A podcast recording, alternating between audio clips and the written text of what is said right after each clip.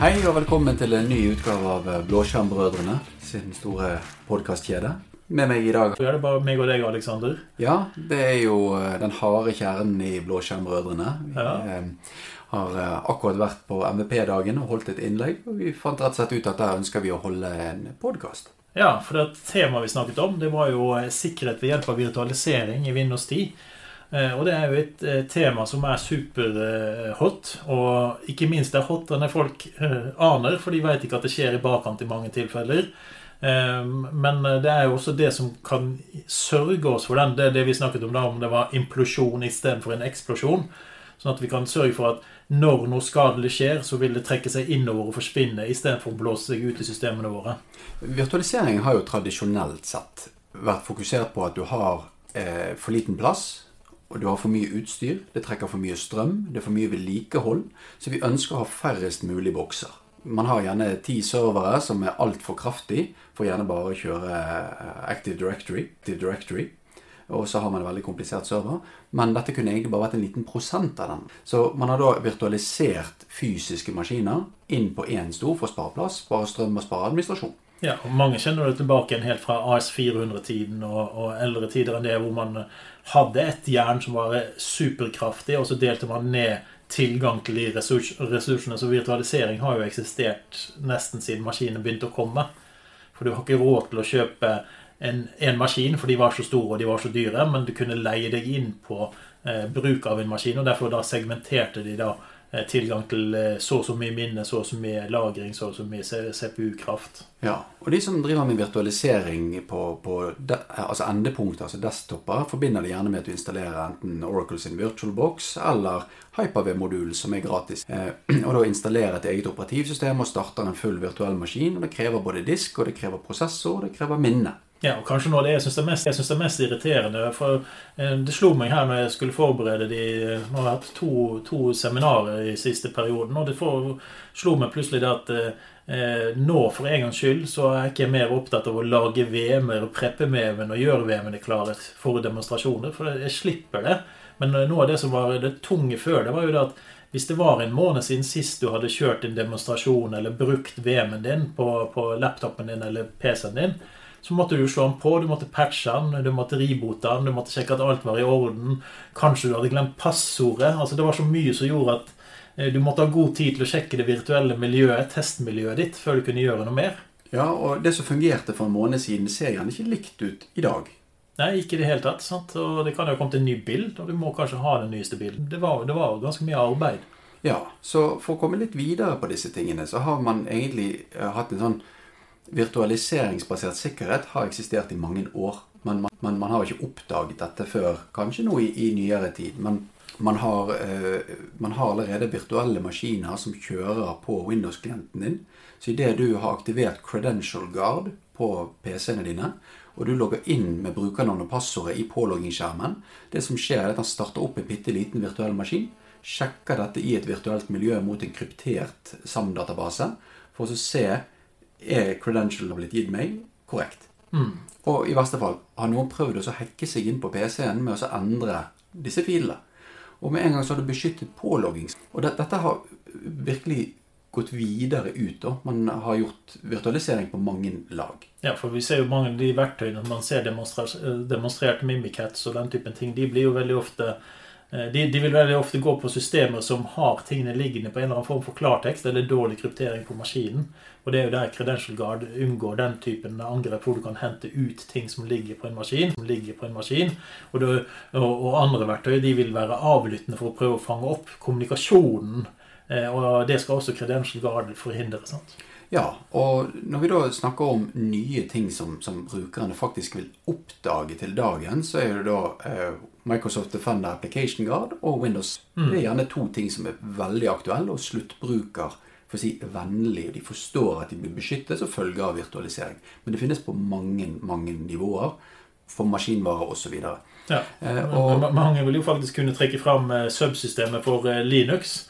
Altså Windows subsystem for Linux. For det, det er jo mange som foretrekker å gjøre ting fra Linux-kommandolinjene. Eh, og med Windows subsystem for Linux, så kan du versjon 2, som da er i Windows 10 nå, så kan du da laste ned Du kan laste ned Ubuntu, du kan laste ned andre distroer, og så kjører de inn VM på maskinen din, så da har du faktisk en fullverdig installasjon på Windows 10-boksen din, som du mest sannsynligvis trenger for det daglige arbeidet ditt. Så istedenfor å ha en virtuell Linux-boks, så har du et subsystem som kjører det opp for deg og unngår at du bruker for mye ressurser. Ja, og den, den administrerer seg selv. Ja. Så tilbake til funksjoner som, som eh, eh Hvordan eh, virtualisering faktisk fungerer. Vi nevnte jo dette med disk og minne og prosessor. Og prosessor er, er fremdeles en liten sånn hot potato. For å starte en virtuell instans krever minst én kjerne virtuelt. Men når det kommer til disk og minne, så er det litt annerledes. Ja, det er litt annerledes på hele fjøla. Ja. For, for med, med, disk så har vi vært vant til at hvis du skal kjøre en, en, en VM, da, tradisjonell VM, så hadde det jo blitt sånn at eh, du må replikere det OS-et du sitter på. Så plutselig har du ditt OS pluss et OS til, og hvis da OS er en 3-4 gigabyte stort, så har du plutselig 6-8 gigabyte brukt bare pga. det. Eh, men det er jo lagd med det som kalles mutable og immutable files, noe som gjør at de filene, filene som man veit aldri endres eller skal endres, hvorfor skal vi ha to kopier av dem? Eh, mens det som krever en endring La oss heller lage filer som da er mutable, altså endringsbare filer, eh, som gjør at du da kan starte opp. Og så kan du eh, skrive til maskinen, gjøre endringer på maskinen, men alle DLL-ene, alle systemfilene, alle exe-filene, alt som er statisk, eh, de behøver du ikke ha liggende to ganger på disken din. Ja, så det man gjerne kjenner igjen fra lagringsteknologiverden som deduplisering. Det er egentlig det man praktiserer her, men i et kjørende aktivt miljø. Og faktisk enda bedre, for med dedibilisering så vil du ofte ha ganske mange referanser til filene. I noen tilfeller så vil jo dedibilisering medføre at det blir større enn den opprinnelige filen. Mm. Men her er det bare samme filen og en peker. Riktig. Og det samme skjer jo i minnet. Mm. Der man, eh, hvis man skal starte et operativsystem i en virtuell maskin, som Sandbox eller Application Guard, så slipper man å laste hele operativsystemet opp i minnet for å kjøre det allerede. Ja, det ligger en, en eh, DLL-fil, afd.dll, ligger jo allerede da og kjører. Eh, så, sånn at den er allerede på plass. Så hvorfor skal du legge den til en gang til i minnet? Dette filer vi vet ikke vil endre seg. Det, vi vet det filet Hvis de endrer seg, så, så har det noe gale skjedd. Så da bør du heller krasje ned systemet og stoppe det. sant? Mm. Så det å gjenbruke minnet, som, altså data som allerede ligger i minnet, sånn at du reduserer belastningen, er det at den tradisjonelle måten å starte en VM på en laptop med 8 GB ram var gjerne ikke det kuleste for brukeropplevelsen. Det krever plutselig mye mindre minne, det krever mindre disk, og det starter kjappere fordi mye er allerede lastet i minnet. Ja, Vi ser det lettest egentlig på, på diskplass. da, så ser vi at Hvis du starter opp en sandbox, så vil den bruke 200-300 megabyte diskplass. Eh, når du bruker den og fyller den med ting, så vil det selvfølgelig spise mer, men det forsvinner jo når du slår den av igjen. Mm. Det er jo bare midlertidig lagring i en sandbox. Du kan ikke, du kan ikke ribote en sandbox, eh, og du kan ikke reboot en sandbox, og du kan ikke lagre en sandbox. En sandbox det er da rett og slett bare en identisk kopi av ditt operativsystem som om det var helt gullende rent. Ingenting installert, ikke noe annet der, men du kan bare starte det opp, og du har en Windows som er rein. Ja. Og dette gir jo veldig mange muligheter, sånn som f.eks. du sitter og har ansatte som arbeider i nettleseren. Det begynner å komme veldig mange SAS-tjenester. Man har Office 365 i nettleseren. Man har gjerne Facebook eh, Workspace. Man har eh, sosiale medier. Man har utrolig mange ting man sitter i nettleseren. Og dette ønsker man gjerne å splitte opp, sånn at det som er bedrift, faktisk applikasjoner i skyen, skal kjøre i nettleseren på maskinen din.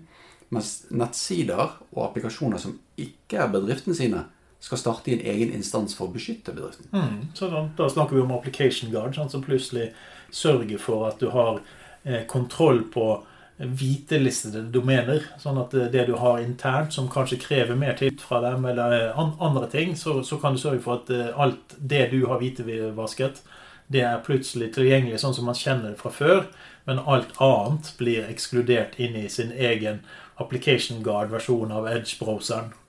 Ja, og, og, scenarioene kan jo være veldig mange. På, på sykehus har man koblet seg opp mot nettet og har tilgang på interne systemer. Men med en gang man bruker det til noe som man egentlig gjerne ikke bør bruke det til, så startes det en virtuell instans. Mm. Ja, Man kan faktisk tenke litt motsatt. At du vil faktisk ha svartelistet en side, sånn at du ikke kan bruke copy and paste fra den siden. For det er jo en av de tingene som ikke virker hvis ikke siden er hvitevasket og configen din tilsier det. Ja, du, eh, du kan velge om du ønsker å konfigurere opp slik at det å kopiere og lime inn fra en, en, nettside i Application Guard, om det får lov til å kopiere innhold på tvers av eh, din, altså operativsystemet og application. Det samme med utskrift og nedlasting av filer og ta vare på cookies og den, på cookies og den, den, type ting. da. Så du kan, faktisk gjøre det på en veldig fin måte, der du rett og slett altså en slags Microsoft Information data på tvers. Mm. Det, det jeg faktisk tenkte først når jeg skulle prøve ut dette for første gang for eh, Det har vel vært tilgjengelig nå halvannet år, litt mm. over et år, før det begynte å bli testet ut. Det jeg så for meg, da, det var at med en gang en Eh, en eh, side ikke var den godkjente som gjorde at den ble åpnet i samme browser som du tastet inn adressen, så ville han poppe opp en ny webbrowser, en ny webbrowser, en ny webbrowser. Sånn at du plutselig blir sittende der med masse webbrowsere. Men han er jo ikke så lite intelligent. Nei, det, det som gjør brukeropplevelsen veldig fin, er det at det holder med å forstå følgende. Er det en nettside du prøver å skrive inn, som er hvitevasket, som er godkjent, vil den kjøre i nettleseren, som kjører på Hvis du skriver inn en nettleser, altså en adresse i nettleseren, som ikke er hvitevasket, så vil den starte de application. Og uansett hvilken av disse to nettleserne du skriver inn URL i, om du skriver inn bak igjen til den som kjører på maskinen din, du skriver noe som er eh, ikke hvitelistet, så vil den sende deg tilbake. Så du vil egentlig bare sitte med to. Mm. Hvis ikke du selv ønsker å sette opp flere, da må du faktisk fysisk gjøre det selv. Ja. For han forholder seg da til en en isolert og en uisolert eh, webbrowser i ja. utgangspunktet. Det er morsomt at du sier at vi må fysisk gjøre dette her, for vi må jo virtuelt gjøre dette. ja, ja, vi må fysisk virtuelt gjøre det. Ja, fysisk virtuelt gjøre det. Manuelt, i hvert fall. Ja. Så det å bare ha en måte, og så la brukerne forstå det at dette er en måte som gjerne virker litt uoversiktlig i starten, det er mm. og for å beskytte bedriften. Ja. Og skulle det komme noe inn via angrepsflaten som nettleseren får være, så gjør det ingenting. De bare lukker den og starter på nytt. Mm. Det er jo veldig spennende å se hvordan dette egentlig har utviklet seg. Og vi har jo en podkast liggende i, av de engelske podkastene våre som har begynt å bli ganske gammel, men jeg tror den er verdifull for veldig mange å høre på. Og det var jo med Ben Armstrong, hvor han egentlig tok opp når begynte vi å se på virtualisering egentlig tok opp når begynte vi å se på virtualisering som en sikkerhetsmekanisme. Ja, og det var utrolig fascinerende. For virtualisering som sikkerhetsmekanisme for Microsoft begynte mm. når de lagde en egen liten virtualiseringsmotor på maskinvaren.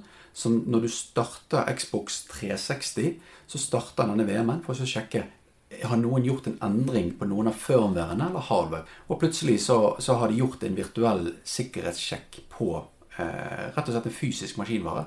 Eh, og siden har jo dette bare jobbet på seg.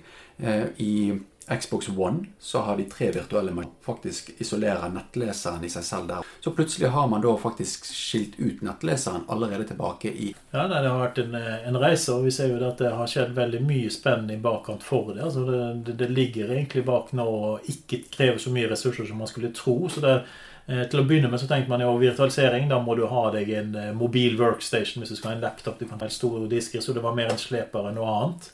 Eh, men vi ser jo det at eh, det å bruke application guard og sandbox det fungerer jo greit nok hvis en 8 GB, 8 GB RAM-minne i maskinen er på plass, og du har en SSD-disk f.eks., da vil det ikke være noe problem i det hele tatt. Det viktigste er å sørge for at prosessoren og arkitekturen støtter det du ønsker å kjøre. Og det gjør de aller fleste i dag. Så så lenge prosessoren er realiseringsveten, så vil en laptop med en fornuftig SSD og 8 GB ram være tilstrekkelig for å kjøre disse tjenestene her godt nok. Men selvfølgelig driver de med 3D-tegning, driver de med på, power eh, maskinvaren, så er det veldig lurt å vurdere 16. Men det holder faktisk med 8. Og tar du dette i bruk, så vil du se det at det holder faktisk de aller. Ja, For det vil ikke tippe, det over. Altså, det er ikke den, de 200-300 megabytene ekstra i diskplass og Eh, tilsvarende i minnebruk på bare basic-bruken, så vil tippe det over. Ja. Det er mer det at hvis maskinen sliter litt allerede, så kan dette bli litt ekstra. Litt allerede, så kan dette bli litt ekstra. Og Det er for øvrig også maskinvarekravene. Så det er noen maskinminne. Men uh, for å teste dette ut, så kan man gjøre dette i en hvis man ønsker det. Så det finnes måter man kan omgå disse tingene på, bare for å fungere før man slipper det ut. Mm. Det er i hvert fall en uh, veldig grei måte å sette i gang med å øke sikkerheten. Kanskje begynne å teste det ut selv. Eh, slå på Application Guard, finne ut at ok, eh, Application Guard fungerer veldig strålende. Eh, jeg har selv tatt noen tester hvor jeg har startet Sandbox, f.eks. Og så har jeg gått inn på NRK sitt arkiv og så har jeg sett på filmer. Og lyd og bilder har jo vært helt suveren, men da har jeg litt kraftigere maskiner kanskje snittet. Men vi ser jo at opplevelsen som en sluttbruker er veldig positiv. Eh, kanskje den skumle tingen er jo det at hvis de ikke har gjort det før, så går de inn på application guard, så kan det da ta et eller annet sted mellom 10, 10, og 50 sekunder. Litt avhengig på hardwaren din, selvfølgelig.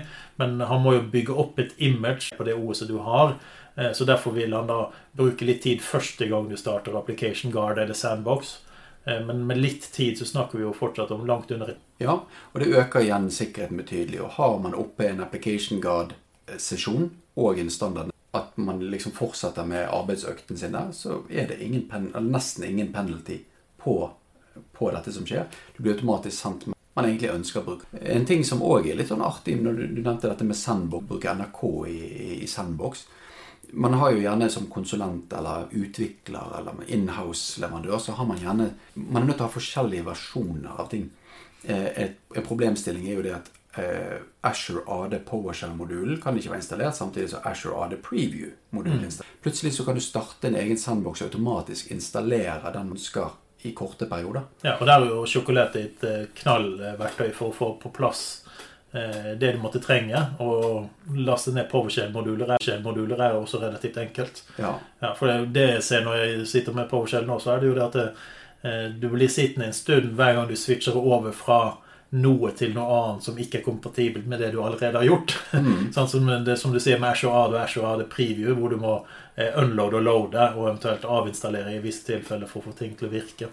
Og andre scenarioer er kunder som gjerne ikke har eh, siste versjon av eksempelvis TeamViewer. Eh, der man har behov for to eller tre versjoner av applikasjoner kjørende. Man kan ha CAD. Man kan ha mange forskjellige scenarioer der man ønsker å kjøre på forskjellige versjoner. Og du ikke ønsker å avinstallere og reinstallere dette. Så du starter opp det du trenger når du trenger. Jeg tror faktisk for veldig mange så er TeamViewer et godt eksempel. Eh, og spesielt når man er konsulent. Jeg har jo vært i et par år, om ikke annet. Eh, og det man oppdaget da, det er jo at en kunde kjøpte TeamViewer 7 eller 8, og så oppgraderte ikke den på de fem neste årene. Så når du skal jobbe med den kunden, så må du bruke, må du bruke da versjon 8 av TeamViewer. Eh, mens du selv i firmaet ditt har kanskje allerede den nyeste 14 eller 15. Eh, og hvordan skal du da takle dette her? Og det folk normalt sett ikke var klar over, det er at TeamViewer kommer i en portable versjon. Eh, og det betyr at du kan starte den versjonen du vil ha når du trenger den, eh, uten noe problem. Eh, og gjør du det via en sandbox, som jeg viste da på, på MBP-dagen, hvor folk kan sikkert om ikke så altfor lenge gå inn og laste ned videoen og se på, på hva vi gjorde der, så startet vi da en teamviewer i versjon 13 eller 15 istedenfor å måtte ha den installert på maskinen min. Ja, og det er veldig praktisk. På den måten kan du si det at du kan installere Visual Studio Code på på eh, Sandbox med å bare starte maskinen, så ligger verktøyene klare for deg der. Hvis du f.eks. ønsker å ikke ha den installert på ja. av, av hygieneårsaker. Ja, du vil ha minst mulig rot. Sant? Så det er ja. ting, som, eh, ting som lar seg installere uten reboot, er lett å få på plass. Eh, og portable apps er veldig lett å få på plass. Og, og det, det finnes flere portable apps enn det folk er klar over. Vel kanskje litt av det henvist. Og det er også en kjempefin plass å teste ut nye versjoner av applikasjoner. Teste ut ting du er usikker på. Har en ansatt fått en mail med et vedlegg du er usikker på, så er det mulig å åpne dette i eh, Sandbox, logge på Office-portalen eller e-posten din, sjekke om du får tilgang til e-posten og lastet den ned. Kommer det en implodering? Så har vi den. Eller vi har muligheten for å gjøre det. Ja, ja sant, for vi har jo snakket om webbrowser nå. Eh, og det er jo veldig bra, for at veldig mye av eh, galskapen som finnes der ute, kommer jo inn ved hjelp av eh, webbrowsere. Men neste sted galskapen kommer inn fra, det er jo veldig ofte via Office-produktene. Ja, det er jo en del av de angrepene som kommer, kommer rett og slett som vedlegg i e-post. Der det står det at vennligst betalende fakturaen, og så er det et mm. Og da kan vi jo egentlig gjøre, gjøre, akkurat det samme som vi snakket om i Application Guard, men dette er Application Guard for Office. Ja, det, eh, det heter Windows Defender Application Guard for Edge og Windows Defender Application Nei, det heter det ikke. Det heter, heter Microsoft Defender. Ja, det har jo byttet navn et par ganger. Eh, eh, så for Office har man nå mulighet til å gå inn i beta-kanalen for Office. Og hvis man har Windows 10 2004 eller nyere og man har betakanalen av eh, Office 365, så har man faktisk muligheten for å kjøre Office. Mm. Og Det er relativt enkelt å sette det opp og teste det ut. Ja. Eh, Det jeg gleder meg til å se når, det, når dette kommer i lanseringen, er er det like lett å jobbe med det som det egentlig er med Application Guard for Edge. For eh, vi har egentlig ikke satt opp Application Guard for Edge hos oss, men jeg bruker det veldig mye selv. Altså Skal jeg ha en webbrowser hvor jeg skal teste ut noe som jeg er usikker på, greit, da åpner jeg det. Men istedenfor in private, så bruker jeg også Application Guard istedenfor. Ja, for tiden det tar å åpne din private browser, er, om, er omtrent like lang som det er å starte en application guard. Ja, og Application Guard er enda mer isolert. Ja, og det er mye sikrere, det er isolert og gir deg mange av de samme fordelene, og kanskje til Mm. Ja, helt klart. Flere fordeler. Ja. Mm. Flere fordeler liker vi. Ja, fordeler er bra. Ja, fordeler, er ingen ulempe. Nei.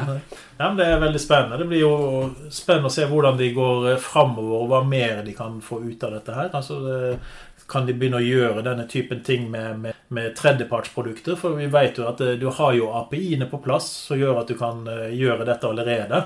Eh, Det er bare å gå inn og se på installasjonen til eh, eh, Windows, så har du muligheten til å ligge i en Virtual eh, Jeg husker ikke hva den heter. Det er en av disse Virtual Sandbox. Du har Virtual Sandbox, altså du har Sandbox, og så har du Virtual Station. Ja, det finnes Ja. veldig mange ting, og, og veldig mange av disse tingene som kommer, eh, blir enten slått sammen, bytter navn, får andre funksjoner.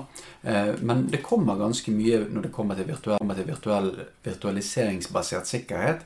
Eh, og for rundt et år siden lanserte jo Microsoft sammen med sine partnere eh, eh, Secure Core PC som konsept, som tar utgangspunkt i akkurat det samme som vi nevnte om Xbox 360.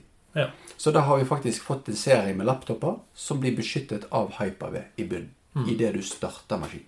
Og det er så hovedtingen med de laptopene det er jo at eh, UFI-biosen er digitalt signert med noe som er godkjent av, eh, Det var for øvrig Virtual Machine Platform eller Windows Hypervisor-plattform. Jeg husker ikke helt hvilken av dem det var. Eh, Men den ene er for, da, for å, å enable muligheten for eh, API-kall mot eh, denne sandbox-typen teknologier, sånn at du kan da virtualisere enten applikasjoner eller prosessene. Det er åpent for at andre kan gjøre det samme som Microsoft gjør nå. Så det er det som gjør det spennende å se hvordan tingene vil eh, gå fremover. De fleste andre webbrowsere vil ha dette her, om andre applikasjoner er smart. altså Implosjon er mye bedre enn en eksplosjon når det kommer til datasikkerhet. Så absolutt. Og media, historier, står ikke tomme på eksempler på bedrifter som blir virus. Kunne vært hindret hvis man hadde hatt sandboxingskonseptet, der de angrepene får lov til å eksplodere, men i et lukket miljø som ikke påvirker. Ja, for det er jo den, den typen ting som egentlig kan si er relatert litt mot en brukerfeil. Man, man eh, tenner på noe som ikke burde vært tent på, og da nytter det ikke at du har eh, Azure MFA. Sant? Det er veldig fort gjort å tenke at Azure MFA var en løsning på alle problemene vi hadde dette tiåret. Eh, men realiteten er jo at man må tenke litt lenger enn det. Og da er det jo akkurat denne typen ting vi må få på plass. Sånn at hva gjør vi hvis noe går gale? Jo, vi må få stoppet det. Vi må få lukket det fortest Definitivt. Så jeg får gå hjem og leke med sandkassen min, Ja, det er alltid gøy å være i sandkassen. Sant? Ja. og du får leke deg med noen application guards. Det skal jeg gjøre, vet du. Og så eh, vil vi da bare råde skal jeg gjøre, vet du. Og så eh, vil vi da bare råde deg til å gå på mvpdagen.no og så se om vi har fått lagt ut eh, videoene fra sesjonene. Det er kanskje litt tidlig hvis du hører dette på den ferskeste avspillingen, men vi gjør regning med at det dukker opp der. Da må du ha riktig god helg, Olav.